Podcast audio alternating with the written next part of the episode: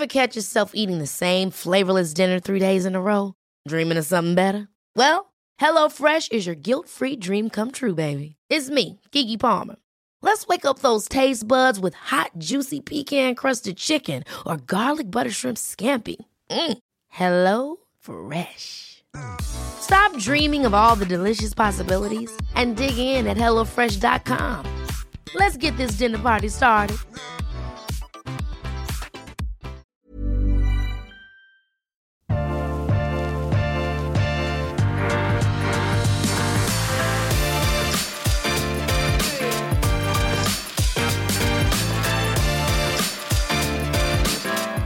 Stikkordet i eh, ukens uh, podkast, ukens vintips, eh, er Sør-Afrika.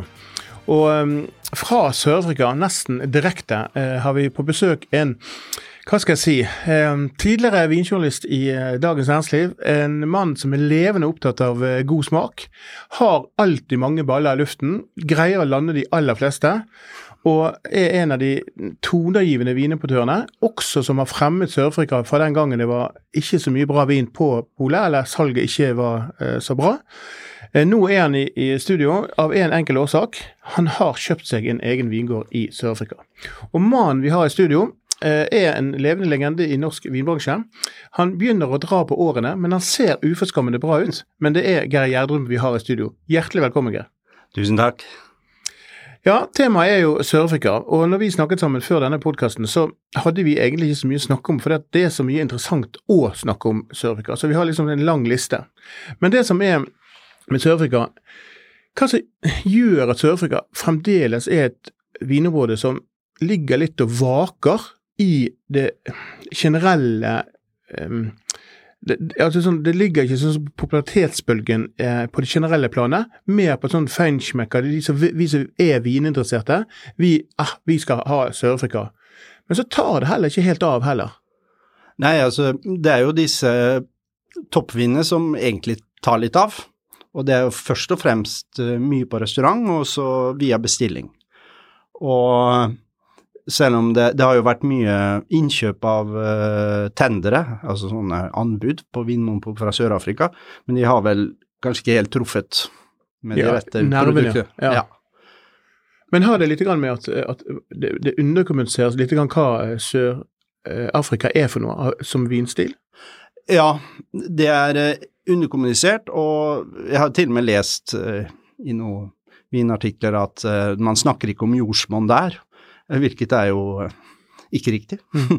det er bare ikke kommunisert. Men Geir, for den lytteren nå som eh, sitter og lytter på denne podkasten her, kan ikke du fortelle meg litt, eller oss, hva, hva, hvordan ser du på Sør-Afrika? Hvorfor er det sånn som det er i dag? Og hva, hva er det som er med Sør-Afrika som gjør det så bra? Ja, det er jo en, egentlig en litt sånn lang historisk forklaring. Sør-Afrika lagde helt fantastiske viner fra uh, fram til slutten av 70-tallet. Som i Europa og mange andre land, så gikk kvaliteten ned utover 70- og 80-tallet på vin generelt, i hvert fall på bedre vin. Og, og det skyldes jo en sånn industrialisert tilnærming, spesielt i, i jordbruket, og, og, en form for sånn trygghetssøken med altfor mye teknologi. Så det er fint det for billig vin, men det er ikke så gøy for uh, veldig god vin. Det, er, det, finnes absurde eksempler for uh, noe som kaltes Chateau Libertas, som var sånn studentplonk. Uh, de er jo nå superettertraktede. og jeg har smakt tilbake på 50-tallet, og de er friske som, som en vårblomst. Og smaker helt utrolig bra, så dette kunne de. Og så, så mista de veien, og så ble de jo boikottet. Og så ble de fri, kunne eksportere, og da la de seg på en form for sånn amerikanisert stil. Med masse ekstrakt og eik. Var det med hjelp av også at hele verden kikket den gangen når Mandela sto der og hoppte, eller eh, fikk presidentrolle, at det ble liksom en bølge at nå, vi, nå var det på mote? Ja, da var det et voldsomt forsøk på å starte opp igjen eksport, ikke sant. De var jo stort sett boikottet. Og da prøvde de Eksporten da var jo veldig rettet inn på, på, på en form for sånn manipulert vin. Eh, og det var jo en skandale hvor de tilsatte masse aromastoffer og styrte på der nede. Så, så, så det var ikke en heldig start, eller heldig restart, er det vel vi kan kalle det. Um, og, og, så er det jo mye gamle penger, da. Spesielt i Stellenbosch, Franschøk og sånne ting, og gamle boerfamilier, mm. om du vil. Uh, og, og, der skjer det jo kanskje ikke så mye akkurat der. Det er mye av det samme fremdeles. Uh, så, så det, store, det store endringen kommer jo med denne gjengen som vi kaller Svartnan Svartland Revolution. Ja, Fortell meg litt om bakgrunnen. For, for alle som leser og interesserer seg for uh, vin fra Sør-Afrika, de kommer innom denne lille, denne lille gjengen. Uh, og Når hørte du om de først? Nei, Jeg hørte om de i 2010.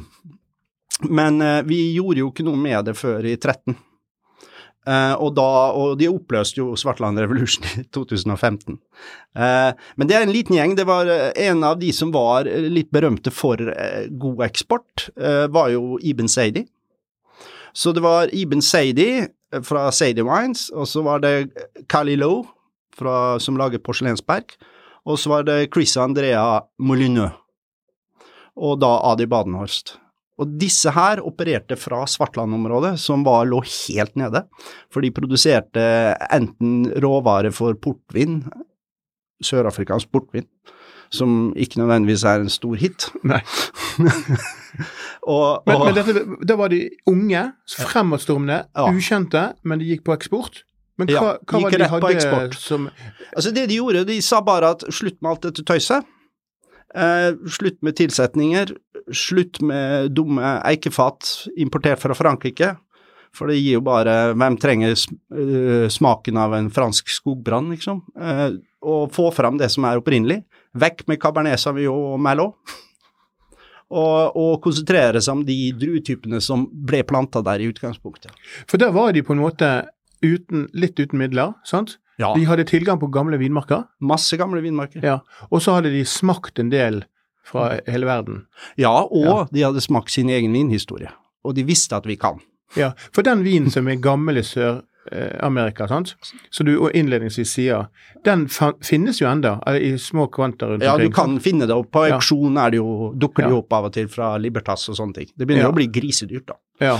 Ja, ja, det kommer jo an på hvem som kjøper det, men, men, men, men, eh, men, de har smakt og forstår hva for kvalitet som er, ja. og så kommer de inn på et eksportmarked som hungrer litt etter noe nytt. Ja. Og da velger du da også som vinimportør, Geir, å satse på Sør-Afrika.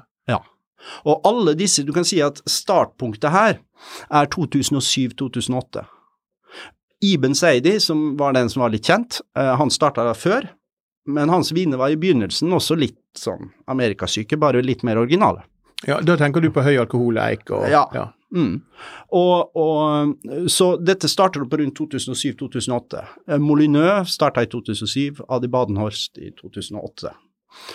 Og det er bare en helt ny generasjon, eh, og de startet helt riktig uten midler. Så om de skulle ha hatt lyst til å kjøpe alle til manipulative utstyret, så hadde de jo ikke råd til det.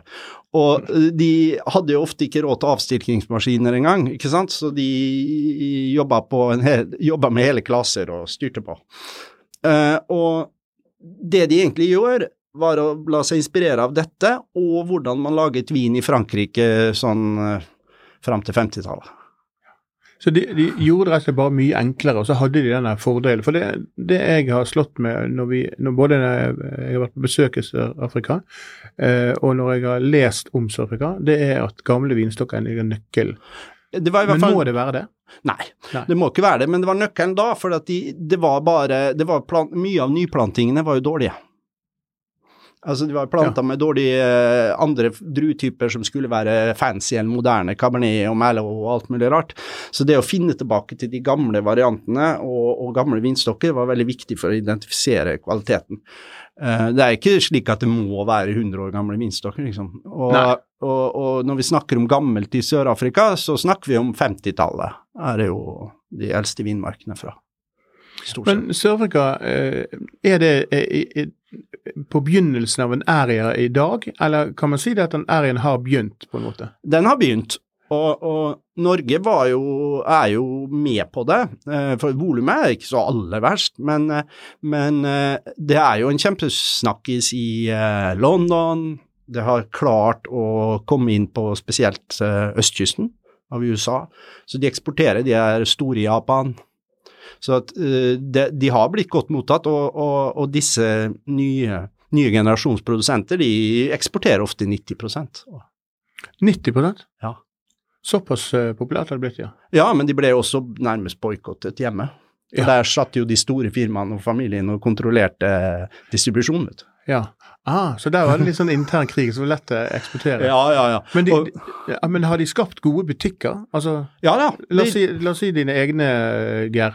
Eh, når du møtte de, så var de på en måte litt sånn der, hva skal jeg si, underdogs, sant? Ja, det var hånd til munn. Ja, det var hånd til munn, sant. Mm. Og så kommer de da inn i en bølge, og jeg har jo også møtt og truffet de et par ganger.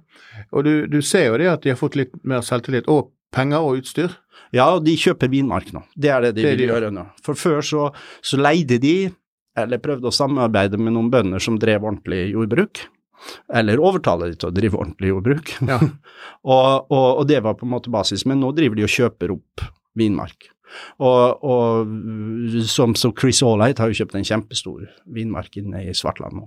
Ja, Allheit er jo en av de virkelig, virkelig bra. Ja, han har fått seg et veldig, veldig høy status. Ja. Nå begynner jo vinene hans å dukke opp på auksjoner og sånne ting. Ja. Men eh, hvis du skal fortelle lytterne våre som, som ikke har liksom, vært så interessert i Sør-Afrika, hvorfor skal man interessere seg for Sør-Afrika som vinland, basert på smak eller på pris? Eller eh, begge deler helst, på smak og pris. Hva, hva er det som gjør det så ettertraktet? Det er jo Det er helt klart at de har lavere kostnader, slik at du kan gjøre gode kjøp. Det er, det er åpenbart.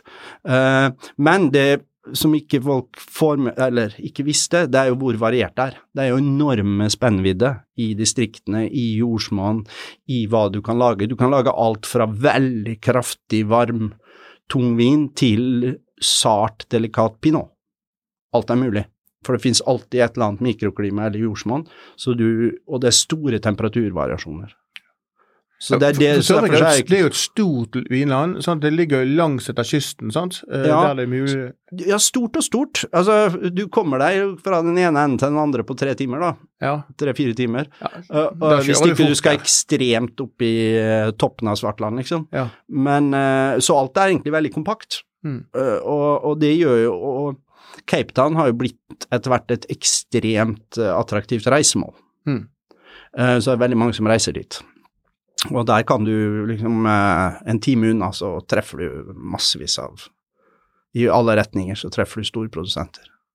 Og, og gode produsenter. Og gode produsenter òg. Ja. Men, eh, eh, men, men, hvis du trekker frem liksom sånn hva, hva du skal lete etter når du, når du skal, skal, lære deg om Sør-Afrika? Er det et, et, område som du vil fremheve? Liksom, gå først til det området for å lære deg om Sør-Afrika, eller må du bare gå etter produsent? Nei, jeg ville nok ha tenkt både område og produsent. Og, og, de aller fleste turister de vaser jo rett inn i Franschhoek og, og, og Stellenbosch, som er jo lekkert og preget av store summer av gamle penger.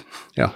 Eh, og, og, da vil du få mer konvensjonell internasjonal vin. Ja, litt sånn vinturisme, sånn Disney-variant. Ja, ja. ja. litt, og det, det, vil smake litt som en Bordeaux-kopi, eller et eller annet. Uh, så, så det, for meg er jo det det minst interessante. Uh, så jeg, jeg, liker jo Svartland, Elgin, uh, Overberg ja. Men da har vi Hemmelen Arde. Ja, Elgen er jo et kjølig helt sør. Ja, Hemmelen Arde, Overberg har også mange kjølige områder i. Elgen, ja. Mm. Det er, da får du den kjølige siden. Ja. Og hvis du vil, når du går inn i Svartland, så får du denne en, Det er jo bare stein, det er jo veldig mye granitt. Oppsmuldret, eldgammel granitt. Og, og, det gir en uh, annen type stil og en annen type friskhet, litt varmere. Og da er det jo mye syra og grenasje og ja. Så da Svartland er på en måte eh, Languedoc Rosolin-aktig. Ja. Det er liksom, Da får du alt slags mulig av, ja. kvalitet. Ja, Og det er, uh, det er den stilen. Mm. Og, så det er det at du får alt dette samla. Det lages jo til med noen helt anstendige eh, musserende viner. Ja. ja, det har jeg smakt noen ganger. at det, ja. det, De er absolutt oppe og går der, altså. Ja, ja, ja. Men eh, på, eh, på druesorter, da, er det, er det sånn at du eh, Alle, alle som interesserer seg også for Sør-Afrika, hører jo om pinotage. Er det nøkkel, eller er det Ja, si det. Jeg har smakt veldig gammel pinotage som er utrolig bra. Og man prøver å finne tilbake til det, hva man gjør riktig, for nå er det jo veldig mye sånn asfalt og eik, Ja. og veldig mye alkohol og ekstrakt. Eh, Og så noen prøver å finne tilbake til det. Eh, De fleste som har lykkes med litt ny type pinotasje nå, det smaker nesten som pinot noir. Og det er jo egentlig Men eh, har de klonet seg eh, liksom vekk, eller har de liksom funnet nei, nei, nei, det går på innhøstingstidspunkt, jordbruk og vinifikasjon. Ja. Så hvis du høster bitte litt tidligere, så slipper du den enorme alkoholen, og det har jo også med hvordan du uh, jobber i vinmarken med løvet og alt. Hmm. Så du kan på en måte prøve Så å hvis vin, eh, eller vinprodusenten bestemmer seg litt for ok, nå skal jeg ha en pinot noir-aktig, Ja, eh, så kan jeg få frem det fra pinotage. du kan du. Og så kan du også bomme helt. Og så kan du bomme fullstendig, ja. Ja. Det, og, og, og, så det er en veldig vanskelig drue. Ja. Eh, Men den er, litt- den er litt liten, ikke sant? jo, jo, jo. Ja, Liten og sar. Og, og, og den er Så du skal være veldig forsiktig med den.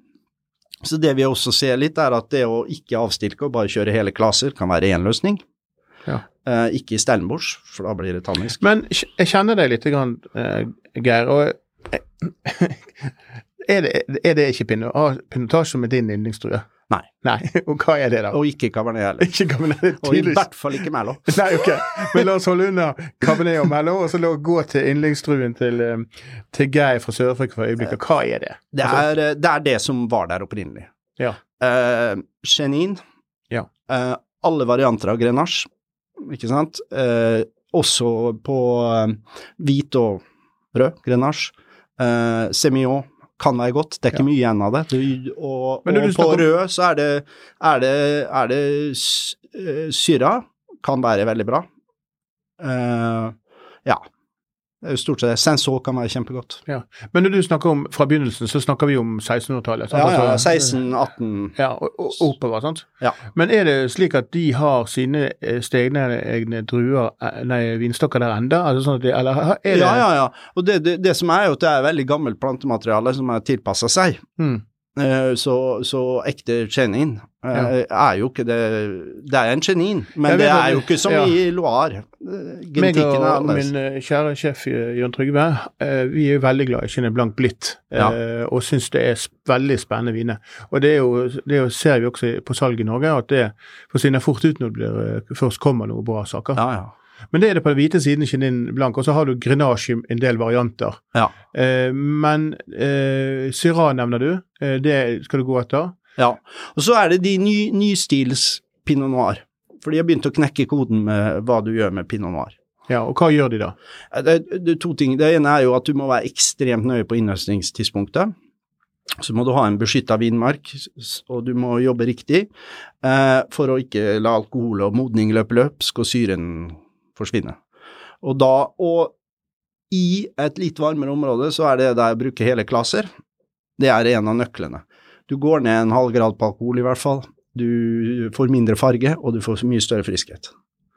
Uh, og mye mer frukt, for at druene begynner jo sånn semikarbonikk å gjære inni seg selv uten å bli knust. Og da kan du få denne utrolig friske stilen. Det er for så vidt ikke noe galt med en sånn tilnærmingsmåte, for det bruker det på Domaine Romané Conti, som er kanskje verdens dyreste viner. Så Men- jeg tror ikke den metoden er ikke revolusjonerende, men folk har bare, det er bare så få som gjør det. Men, men da er det da vi kommer frem til den litt leskende, Leskende. er Sånn at du, Ja. du liksom, det er forfriskende. Ikke forfriskende, men det er i hvert fall leskende, som vi ofte sier. At syren er på en måte en, en sånn fruktdrivende. Ja, det er Ja. fruktdrevent og lettere og friskere. Og det er det som er målet med pinot noir. Du Ja. vil jo ikke ha Du kjøper jo ikke pinot noir for å drikke det med skje. Nei, det er ikke det. Men det kan du gjøre med en Syrah, eh, og du kan gjøre med grenasje i noen tilfeller. Ja. Og det er jo det som de jobber med, alle disse litt alternative prøver jo å lage syraner mer elegante. Ja. Men denne gjengen som, eh, som da etter noen år også la ned denne, denne For det, det var jo en veldig uformell gjeng. Altså det jo Det var en De spøker jo med at det var en god unnskyldning for en gigantisk fest. Og det var jo det det var. Ja. Og de hadde noen sånne sinnssyke plakater hvor de manipulerte seg, seg selv inn i sånne Star Wars-bilder, og bare tøys og tull. Men budskapet under var jo seriøst nok. Altså, Ja. vi skal tilbake til røttene, og så finne hva som gjør hva slags Prøve å finne ut hva slags type unik vin kan vi lage. Og det mener jeg, det finner du ikke ut hvis du kjører Cabernet og Eik og ekstraktsmaskiner og Så Geir, du eh, definerer da denne revolusjonen, sant? det er den viktigste tingen som har skjedd i moderne sørafrikansk ja. historie. Sant? Helt tydelig. Vi er helt klare, og du er helt klar på hvilke druer du bør satse på. Ja. Ut, ikke ut med pinotage, men vær litt diskret med pinotage. Kutt ut cabernet og merlot. Unngå det til enhver tid. Eh, drikk grenache, eh, drikk av ulike varianter. Chenin på hvitvinsiden, og så syra. Det er liksom Og så eh, nye, gode godt pinoter. pinoter. Ja, der har vi. Ja, Ja. Vi skal inn i, inn i reklamens verden. Eh, vi er tilbake om et eh, lite øyeblikk, men da skal vi tilbake igjen og få høre om når Geir bestemte seg for å kjøpe sin egen vingård. Som dere hører, han har dritpeiling på å lage vin. Han vet akkurat hva han skal ha, og nå har han investert ikke bare én, og ikke bare to, og ikke bare tre, men mange millioner i sin egen vingård. Og Vi skal høre den spennende historien, og så skal vi smake på hele tre viner som vi har tatt med som et eksempel på, på hva, hva er det vi mener når vi snakker om dette her. Og vi er tilbake om et lite øyeblikk. Et av merkene Temtec nå fører, er franske La Sommelier. I denne serien finner du blant annet vinskapet E-Celler, som er det første smarttilkoblede vinskapet tilgjengelig på markedet. E-Celler er et praktfullt resultat av flere års utvikling mot perfeksjonisme. Estetisk tiltalende design med vakre finisher, det nyeste innen kjøleteknologi og nøyaktighet i hver minste detalj. Organiser vinsamlingen din i det smarte hyllesystemet utviklet for å romme et stort antall flaskeformater, opptil 9,5 cm i diameter. Bordeaux-flaskeformatet er ikke lenger normen, og med e-celler kan du lagre alle favorittflaskene dine uten unntak. Ved å koble vinskapet til mobilen din, registrerer skapet automatisk at du legger inn og fjerner vinflaskene dine, og oppdaterer det i en tilhørende app. Dette fantastiske vinskapet kjøper du på temtech.no. Og der er vi tilbake fra reklamen, og eh, i reklamen så har vi snakket eh, og hørt om eh, gode vinskap, og det er noe jeg anbefaler til alle å ha. Eh, gjerne tre-fire stykker. Jeg vet at på kontoret ditt eh, på Lysaker, eh, Geir, så har du plassert en hel bøtte med Åtte eller ni. Åtte eller ni vinskap, ja. Ja, og så hjemme og overalt. Ja, så storforbruk av det. Men, men det er jo en ting som er viktig. Eh, Jeg merker det sjøl som vinjournalist når vi går ute og smaker rundt omkring hos importører. Da er det eh, attention til eh, temperatur er Ja. viktig. Og hva er yndlingstemperaturen din når du smaker på vin? Ah, eh, varme hvitviner og kalde rødviner, pleier jeg å si. Ja, det det. Men har du tall, eller? Nei, altså, tallet er veldig greit. Eh, Ja. jo, jo, eh, jo dårligere vinen er, så, så, er det jo, så blir den jo aldri kald nok. Men, eh, men eh, for hvitviner av kvalitet, så, så, så liker ikke jeg kjøleskapskaldt i det hele tatt. Da snakker vi om opptil tolv grader. Ja. Og de virkelig gode rødvinene, da begynner du jo på 15. Ja. Så for, eksempel, for eksempel i mitt vinskap så har jeg et hvor de ligger på 8 grader, og et hvor de ligger på 13 grader sonene. Og det er, det er perfekt, og da er det champagne og hvitvin på 8, Ja. og så de andre på 13. Og fordi at vinen blir fort varm i glasset og i luften, og Ja. du skal ikke over 18 grader stort sett på en rødvin Mm. selv om den er veldig tannisk. Ja. Så det er, det er bare, folk tuller fælt med dette temperaturgreiene. Ja, det er jo. Men det, men det er litt viktig å på en måte forstå det. Det, det er viktig å forstå det, og, og det er litt sånn, jeg har alltid lurt på, drikker folk, syns folk det er godt med varm toddy til biffen hvis de ikke drikker alkohol? Ja, det, det er sant. Det er sant. Så varm toddy er ikke kanskje det må jo være frisk. friskt. Ja, ja, det må være det. Ja. Men du Geir, Ja. eh, det har jo, jeg har vært kjent med det en stund, men, og det har vært en veldig spennende historie litt å følge. Men for lytterne så er det slik at eh, Geir han bestemte seg eh, å gjennomføre en drøm, sjekket litt rundt, og plutselig så fikk jeg høre det eh, etter en stund at eh, du hadde blitt eh, medeier i en vingård i, i Sør-Afrika. Og Mm. Kan du fortelle litt grann, eh, hvor den ligger henne, hva som gjorde at du gjorde det, og hvorfor eh, du syns at det er en eh, kjempegod idé? Ja, eh, hvorfor det er en kjempegod idé, det mm, Ja, det tror jeg ikke jeg kan, jeg kan ikke overbevise reviser om det, men jeg kan overbevise meg selv. Ok, ja, men det er godt å høre. Eh, nei, eh, grunnen til det er jo å komme litt dypere ned i, i forståelse, ha det litt gøy, eh, og lære noe nytt. Så å være med på litt av den utviklingen som foregår der nede. Ta det på pulsen, gjøre en del endringer, finne på ting, eksperimentere. Ja. Bare ha det gøy. Og eh, hovedgrunnen til at jeg kunne gå for det, var jo at jeg har en god partner.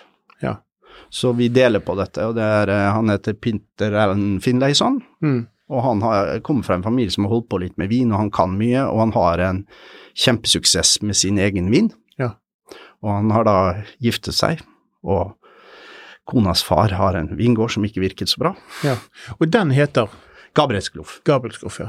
Og hvor ligger den? eh, Overberg er jo hovedområdet, mhm. og så eh, sub, subområdet heter Bot River. Ja, og i forhold til Cape Town? Ja, og litt over en halvannen time øst. øst. Østover, ja. ja. Ja. Og hva, hva er det som eh, kjennetegner både området og denne vingården eh, som du har kjøpt deg? Altså, området er jo ikke det varmeste, Mhm. på ingen måte. Og akkurat i Bottriver og der vi ligger, så på toppen av øh, vinmarken, så kan du se havet. Så du får inn litt sånn kjølig, kjølig luft. Ja, se havet på, i, i, i horisonten? Ja, Ja, ok. og det er åpent. Ja. Så du får inn litt kalde luftstrømmer eh, når alt er gunstig. Ja. Så det er veldig bra. Og så er det jo, er jo jeg litt sånn hobby, hobbyglad i geologi og livet på jorda og sånn, og dette, det er jo veldig fascinerende jord der. Ja, du vet jo det at det har vært eh, dinosaurer der, du. Ikke akkurat Dette er faktisk før. Er det før? Ja, ok. Ja, men det er godt å høre. Det så vi har, ikke sant, det heter Klof, og Klof det er jo en, en dal. Ja. Og Gabriel, eh, de hadde masse navn på området, men alle var patentert oppe i Stellenbosch og sånn. Ja. Og dermed så var det, fant de ut at i den eldste bygningen som er på, på området, så bodde det en fyr som heter Gabriel. Ja. Og da ble det Gabriels Klov, for det er en dal, og vi er på begge sider av dalen.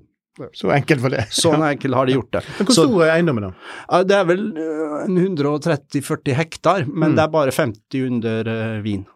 Ja. Eh, Noen og 50, faktisk. Er det sånn at du har potensial for å bli større, eller er det sånn at du må Nei. Nei. Eh, jo, potensialet er der, Ja. Men, du, eh, men vil ikke. nei. Du har Fordi at vi har til og med fjerna vinmark. Å ja, ok. Eh, fordi at eh, hvis Det er så dyrt hvis du skal drive ordentlig jordbruk, at, at, kan, at hvis det er et, en vinmark hvor du ser at her blir ikke det veldig, veldig Her har du ikke et potensial for høy kvalitet, så er det bedre å la det bli det vi kaller fine bosch.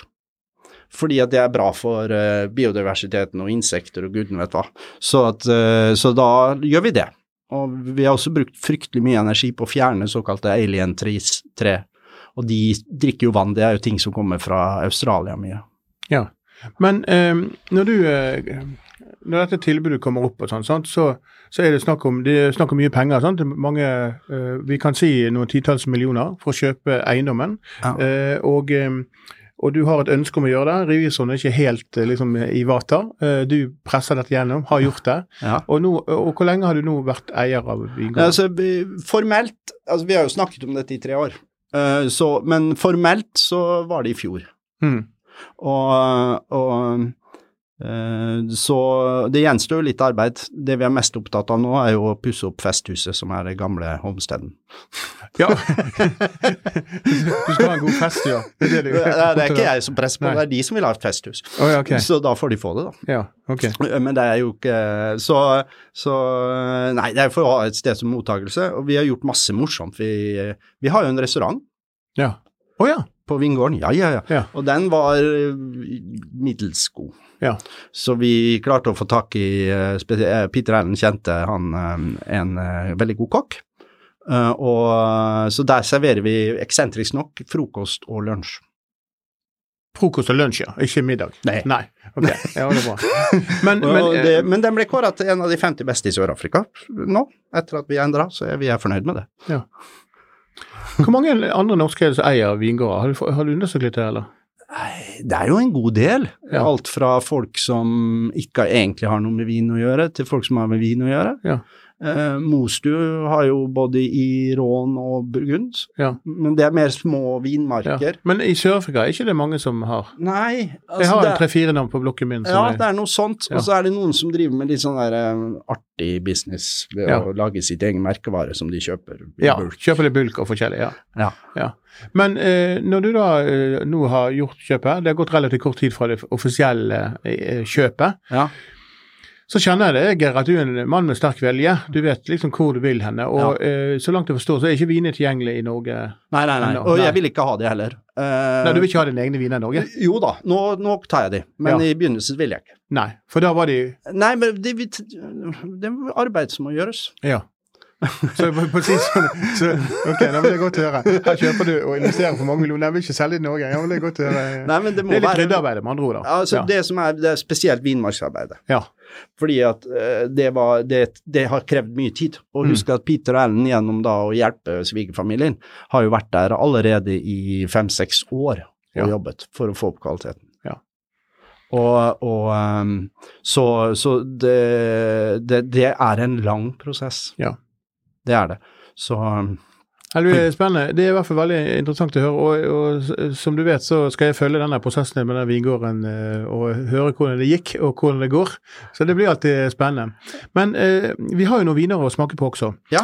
Og eh, eh, på denne, eh, på denne ferden til Sør, eh, Sør-Afrika så, så har jeg plukket frem noen viner der jeg har plukket frem Hamilton Russell. Mm. Og hva er ditt syn på Hamilton Russell sin pinot? Altså Hvis du sånn, ser liksom fra, fra Jeg siden jobba jo med Eller jeg jobba jo i en gruppering som hadde det Mm. for mange herrens år siden.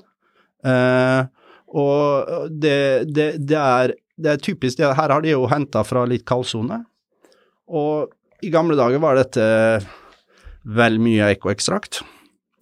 Eh, jeg- så vidt jeg har smakt, så har det blitt mye bedre. Men det er jo fremdeles en litt mer internasjonal stil, selvfølgelig. Men det er ikke noe vondt å si om det. Første gang jeg eh, kom bort til Hamlet Russell, så um, er jo dette her en gammel eh, på sin reklamemann som gjorde sine drømmer til virkelighet, og kjøpte vingård. Mm. Akkurat som en uh, vinimportør gjør, og en vinturist gjør. ja, ja. Eh, og han eh, laget jo da viner etter oppskrift eh, hva andre folk syns eh, lenge. Og så snudde han litt grann, og, mm, og begynte å eh, en, profesjonalisere både det, det ytre og hvordan imaget var. Sant? Dette er jo uh, mennesker som, som vet hvordan de skal eh, Både med utdannelse fra USA, nei, fra England og er litt hva skal jeg si, med halstørke i halsen, um, og riktige hunder og riktig image. Men vinene så vingårdene kommer jo fra veldig kaldt klima. altså Ja. Like ved kysten. sant? Og, Mm. Og Hamilton Russell er for meg, og var lenge, en av de beste kjøpene på polet. Eh, det er ikke lenger det nå lenger, men det er av det at det er så, det er så fersk vin. Mm. Og hvis du smaker Geir, på, på denne Hamilton Russell, så vil du eh, oppleve det at vinen er relativt rå. Eh, denne her kommer jo rett fra, mer eller mindre rett fra kjøleskapet, og er litt kjølig. Litt for kald for det, kanskje. Men det som er med Hamilton Russell, er det at de både har eh, De har en Hamilton Russell i Pinot og i Chardonnay som topputgaven sin, og så har de en, eh, en eh, annen, eh, annen vin som er rimeligere. Og disse vinene de er, har funnet sitt publikum i Norge, eh, og er absolutt viner som du kan eh, sette i kjellerne eh, og behandle de nesten som en, eh, som en eh, burgund. Eh, men prisene de har gått litt opp i været. Eh, de koster rundt 550-600 kroner. Ja, men jeg syns, jeg syns ikke det er så ille. Nei, det, jeg syns ikke det. De, de har gått Fordi opp i været. Fordi de andre Det følger markedet som noen undrer på, på andre topp pinot fra, fra Sør-Afrika. Ja. For prisene der, de ligger fortsatt og vaker rundt der. Det er ikke, det er ikke opp mot tusenlappen. Det er lenge til. Ja, det er nok en stund til for noen. Ja. Men det finnes noen sånne Det er noen viner som går for mange tusen kroner, men de er ikke importert til Norge. Nei. De, de, de kjøpes og selges der nede. Ja, eller eksporteres til USA, eller Ja. Så det, Og det er litt sånn mikro Hmm. Litt sånn garasjeviner à la Ja, det, sånn som som trenger eh, mye penger, for å si det sånn. Ja, Eh, men, men det å lage god pinot noir, det koster penger, det. ja det gjør det. Men så eh, jeg har plukket frem en, en, en vin fra en produsent, og vi har hatt denne vinen her tidligere og omtalt denne vinen i Finansvisen og i Kapital flere ganger, og det er eh, fra eh, Adi Badenhorst. Og for, det, for lyttere som ikke kjenner han, så må dere nesten gå inn og se på Vinmopolet og i Vinify eh, det utvalget han har av viner.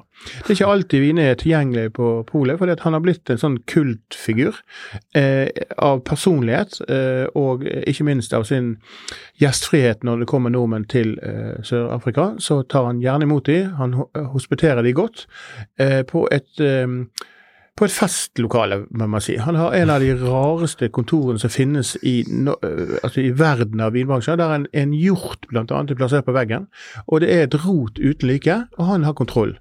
Og han har sitater fra ende til annen gjennom hele produksjonslokalet om livet. Så han er en sånn filosof, på en måte. Ja.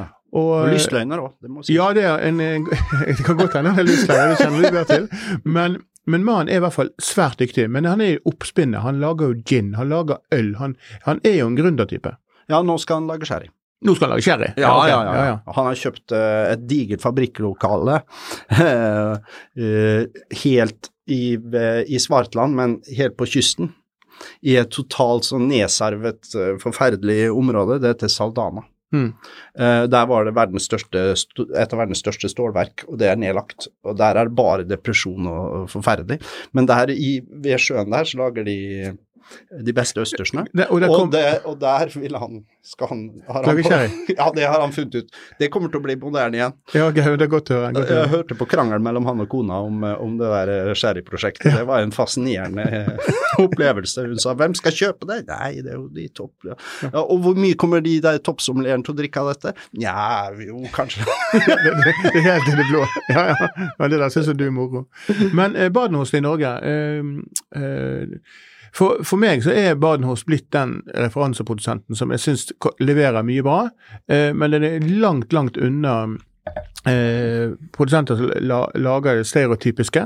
Eh, du må nesten eh, Og hvis du tar denne historien med navnet på denne eh, vinflasken her, eh, eh, så har jo den litt sånn spennende navn. Det er en litt rar etikett, rent sånn Men den også har en historie. Den er ikke minimalistisk. Den er ikke minimalistisk, eh, og den passer er, Men, men den har, har, jo på en måte eh, fått en helt fantastisk Men den er også er sensor, sant? som er Det er en sensor, ja. ja som, som er eh, opprinnelig og stedegen og gamle vinstokker. Ja. Eh, og han begynner jo litt på sånn Grand Cru-nivå på noen av vinmarkene han har kjøpt opp igjen de siste årene. Ja, altså det han har gjort er å skille ut de aller eldste plottene. Ja. Og denne, denne heter jo da eh, Ramnasgrass, ja. som er jo et eh, fint navn, sikkert. Eh, så det er fra en spesifikk plott, og det er sensor fra 50-tallet, plante. Ja, det jo Men til forskjell fra Hamlet Russell, som du helt kjenner Burgund-karakteren, ja. så får du et helt annet litt sånn floralt, lett, veldig leskende preg. Og så har han en ganske god um, god fruktighet som heller litt mot mørke bær. Eh, ja. Altså sånn type, jeg skal ikke akkurat si blåbær, men sånn type mørkere bær. Mørkere kirsebær, kanskje? Ja, sånn ur, urtete, urtete tone. Mm. Og det har han kanskje med at han er litt ny? Sånn, Nei, men det er, det er, litt Ikke sant, husk at det er eh, det, det, de kaller det, derfor er det så kult å smake sammen, gjøre sånne ting. Fordi at Sensor er på en måte fattigmannsburgunderen. Ja. De tøyser de med. Ja. Ja, for han er elegant og han er ikke, ja. han er ikke tung, kraftig vin eh, av vin her. Så, um, og så er det jo i tråd med, uh, med uh, filosofien, så er det jo null ny eik. Ja, det er ikke antydet eik. Det, det, er den første Hamilton Russell. Her kjenner du eiket Ja, men det var, det var, det var mye mer delikat enn en, Det du trodde? Ja, han har gått enda lenger i riktig retning. Ja. Det må jeg si. Og det, og er derfor jeg mener Hamilton Russell også er et kjempegodt kjøp. for det fatet også, altså Han har relativt bra moderat alkoholnivå, og der må han ha gjort noe. For det er mine notater tidligere så har alltid markert eh, alkoholnivået. Altså, ja, men det er, det er, det de begynner å Men dette har jo spredt seg over hele Sør-Afrika, og, og, og, det er Jeg tror nok de er veldig påvirket. Han også har blitt påvirket av den nye generasjonen, men også motene. Ikke sant? Folk er litt lei av disse tunge vinene.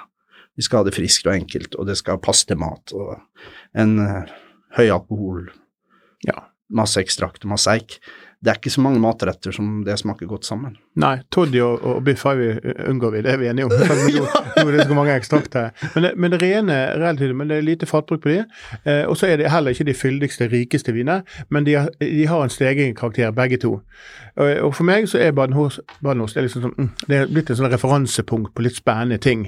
Ja. Eh, til en pris som eh, ikke noe Nå husker jeg ikke akkurat prisen akkurat her står nå, men eh, det er en sånn type 400-500 kroners vin. Eh, og det er en vin som er verd hver sin, sin, vekt i gull, eller sin smak i gull. Um, men så har du eh, sånn, så en liten sånn overraskelse på lur. Og er det en vin som har en finere vinetikett enn denne, så skal du, må du nesten gi meg beskjed. Første gang jeg hørte dette, her, så tenkte jeg er, er det mulig å lage en sånn eh, vinetikett som du ikke ser, og du ikke kan se på avstand, så du må sette lys på, men så er så elegant at du har lyst nesten å sette den på veggen. Og hva er det vi snakker om da, Geir? Da, da, snakker vi om uh, porselensberg. ja, og fortell meg litt om det. Porselensberg. Ja, porselensberg er uh, en helt praktfull åside. Uh, og, og, det er jo Carl Lille, som var en av gründerne av uh, Svartland Revolution. Og, og, han er en særing. Hans store lidenskap i livet det er å grille kjøtt. Og han har en diger sånn smoker som han setter på tilhenger og drar med seg overalt. Uh, og, og, han er en veldig rustikk person, men mine er jo ikke det. Uh, og han har da en Reodor Felgen-lignende maskin som han presser inn i en tykk etikett, uh, navnet. Så det er ikke noe trykk. Det er ikke trykk, det er presset etikett? og det særeste av alt, at han insisterer på å sitte og gjøre det sjøl. det, det gjør han? Ja, okay. han har det på kontoret sitt. Ja. Der står denne Reodor Felgen-maskin. Men skal du, når du, nå har jeg fått litt i glasset her, eh, og er, er, det noe du skal si om en vin som heter at den oser frukt, så er dette ja. her. Dette her er jo super altså, Fruktfest. Det er fruktfest, ja. Det er et godt ord for det. Og ja. um, Eh, for meg så, Jeg husker første gang jeg smakte på det, så ble jeg fascinert av etiketten, og da blir jeg litt sånn skeptisk. Men eh, når jeg også nå har smakt vin over noen år, så har han også hatt sin retning her. Men den der fruktfesten, altså det er en utrolig aromatisk vin. Mm. Eh, kommer tett konsentrert. Og um, Ja, og det, det, det, er jo Og dette har jo blitt da over mange år en av de mer gåsetegn ikoniske tingene. Og dette også er jo litt over i prisklasse enn det man ofte forventer da, fra mm. Sør-Afrika. Uh, og, og, Men altså, eh, det som er med Men dette er jo ikke dette er, vi, vi snakker her om at at vi snakker her om 30 flasker i året eller noe sånt også da, til Norge, liksom. Ja, altså Jeg vil jo si det at en vin som koster 850 kroner, det, da, skal du liksom, da skal du være trygg på det. Men skal du ha en vin som du skal ta vare på i neste 20 årene, så er Porselenberg det, det må være i den kjelleren. Altså, herregud for en konsentrasjon. Mm. Sånn? Men tanninstrukturen er fremdeles litt sånn eh, påtrengende akkurat her og nå. Mm. Plasserer du den ved en god eh, biff, en grill til stor grillvogn som han har med seg, så, så, med tilhenger, så, så, har jo du egentlig vinen for, forever. Og da, og da eh, ser man også det at eh, vi må nesten gå litt sånn inn på prisnivået for god vin fra Sør-Afrika. Um, Sør-Afrika eh, på polet på de vinene som selges mest, er jo litt sånn ja, Det er ikke så veldig interessant. Nei, um, og det går jo på det at det av alle de tingene som skjedde gjennom 70- og 80-tallet, og så blir det boikottet og så eksport. Så det de Hvis du leser litt eldre lærebøker, eh, selv på vinutdanningen i Norge, så sto det jo da at eh, det var først og fremst eksport av bulkvin. Ja. Og, og sørafrikansk billig uh, muligens drikkende svin eh, for noen. Ja, muligens drikkende vin, ja, godt, sagt, godt sagt. Ja. Eh, det var jo da toppselgeren i Sverige, f.eks., hvor mm. de er litt mer prissensitive enn oss. Ja. Og, og, vi hadde sånne bulkviner i Norge, men de forsvant jo De verste har vel egentlig forsvunnet, tror jeg. Så Men det, det, det, viser jo en av de andre sidene, da, er at når det blir så billig, så er det noen som blir uh, lurt. Ja. Og, og, og jeg kan ikke få sagt det tydelig nok, fordi folk har forventninger om priser. Men vi husker at vi har disse alkoholavgiftene. Ja, og det tar og, og, og det har vært, og fremdeles er, et problem i Sør-Afrika at spesielt arbeiderne blir underbetalt, utnyttet og ikke beskyttet. Og så blir de kastet ut med sånn sprøytemidler og annen gift på de, de som skal masseprodusere, uten beskyttelse, uten rettigheter. Ja. Eh, og så generelt sett så Jeg kan ikke ha med sånne ting å gjøre med god samvittighet. Eh, og, og det syns jeg kanskje ikke vi bør gjøre. Så, så, og det syns jeg vel ikke at Polet heller burde gjøre, selv om de Ja, de har jo, Vinmonopolet er ikke akkurat her nå til å få, få hverken si for eller mot, men det jeg har undersøkt av akkurat det, Geir, det er det at de har et program som handler om å prøve å, um, å finne de, og informere og løse det. Ja, det er det. Og de, de har noe som heter BSSI-sertifisering, Mm. og som Adi måtte gjennom. Ja. Og der var det jo, og det er jo veldig interessant for den industrielle. Jeg husker annet han var litt fortørnet fordi at de sa at du må ha gode prosedyrer for håndtering av disse kjemikaliene som er vanlig i vin. Så sier han ja, men jeg bruker det ikke.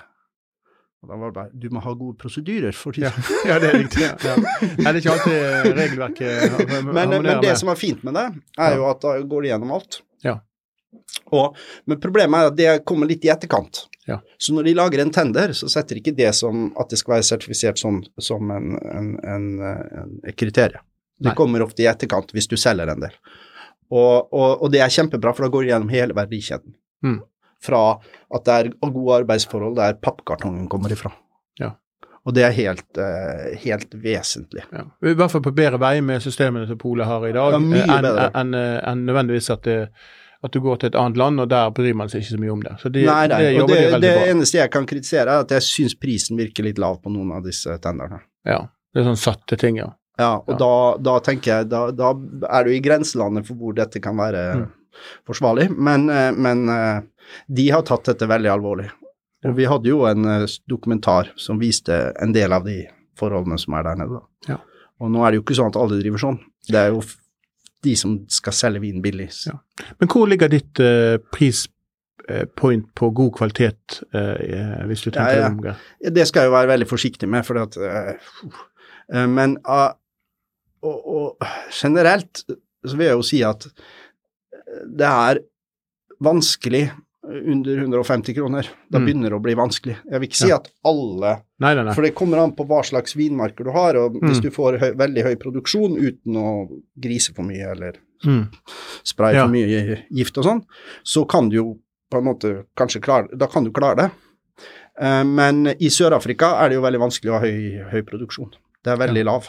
Du får 30 Det det er som i topper ofte, avkastningen.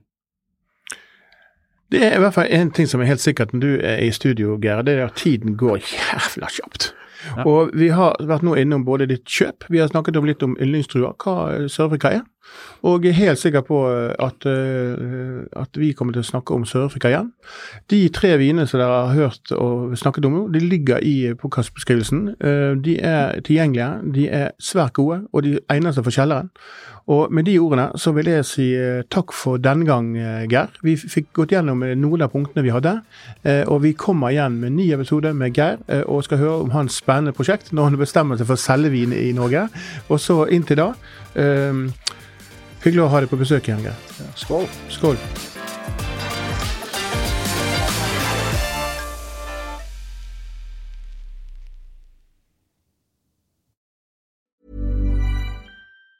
Ever catch yourself eating the same flavorless dinner three days in a row?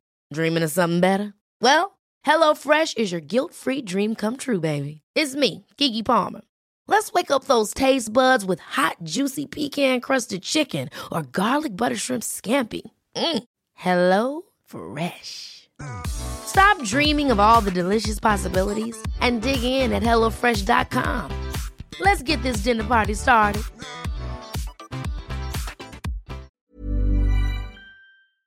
Ukens vindtips med Svein er en Finansavisen-podkast. Programleder er Svein Lindin, produsent er Lars Brenden Skram, og podkast- og videoansvarlig er Marius Mørk Larsen. Ansvarlig redaktør er Trygve Hegdar.